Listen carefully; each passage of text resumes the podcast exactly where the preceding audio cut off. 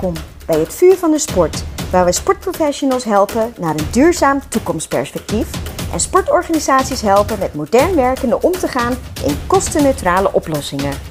We kijken innovatief naar de branche met als doel klassieke overtuigingen los te laten en mee te gaan met de behoeften van de arbeidsmarkt binnen de sport. Hier is je gastheer Remy Broens. Dat hebben we altijd zo gedaan. Dat is misschien wel het slechtste argument wat ik heel vaak tegenkom. Het argument, dat hebben we altijd zo gedaan. Vaak wordt dit ook nog eens gevolgd door, ja, het moet zo, het kan niet anders. Ik stel altijd twee vragen in dit geval. Waarom moet het zo en hoe kan het toch anders? Het is altijd de waarom en de hoe. Het zal je verbazen hoe vaak je tot nieuwe inzichten kan komen en met nieuwe oplossingen kan komen. Zo post ik onlangs het volgende bericht op mijn socials en ik citeer. Neem lekker onbetaald verlof. Verlof aanvragen laat zien hoe klassiek we nog steeds denken. Een medewerker wil een dagje vrij. Dan lever je een verlofdag in. Waarom eigenlijk? Als je echt regie en verantwoording wil als medewerker en de autonomie om zelf te beslissen, bekijk het dan eens anders.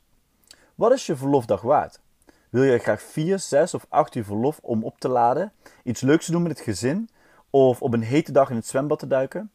Als je dan deze waarde financieel kan opvangen, waarom laat je hem dan niet, waarom laat je hem dan niet onbetaald verlof opnemen? Spaar dus de verlofdagen voor de vakanties die je echt lang weg bent van werk en investeer in onbetaalde verlofdagen. Als je elke maand naast sparen financieel ruimte over hebt, is het toch niet zo erg om een paar tientjes minder te verdienen, maar wel weer mooie belevingen te creëren en opgeladen op een nieuwe werkdag te verschijnen. En de werkgever kost helemaal niks. Neem regie en verantwoording en kies dus eens wat vaker voor onbetaald verlof.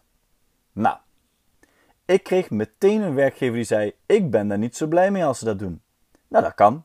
Maar dat zegt dus eigenlijk iets over je bedrijfsvoering. Dan heb je het in je bedrijf niet anti-fragile ingericht. Oftewel, je kan helemaal niet opvangen dat dit soort zaken gebeuren. Dat iemand meer verlof wil nemen dan in een contract staat. Dan heb je een organisatie die constant op het randje balanceert van productiviteit en efficiëntie. Zie het als een kaartenhuis. Haal één kaart weg en alles stort in.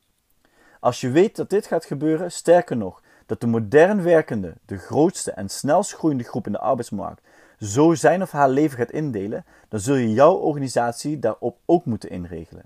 Vraag je eerst af: waarom wil iemand dit en hoe gaan we dit oplossen? Want het is oplosbaar, maar je moet dan wel je organisatie anders indelen. En goed nieuws, dan moet je sowieso, want de modern werkende die op de arbeidsmarkt komt, die gaat om deze vrijheid en regie vragen. Dus los het nu alvast op. Vraag je af waarom en dan vervolgens hoe gaan we dit alsnog oplossen.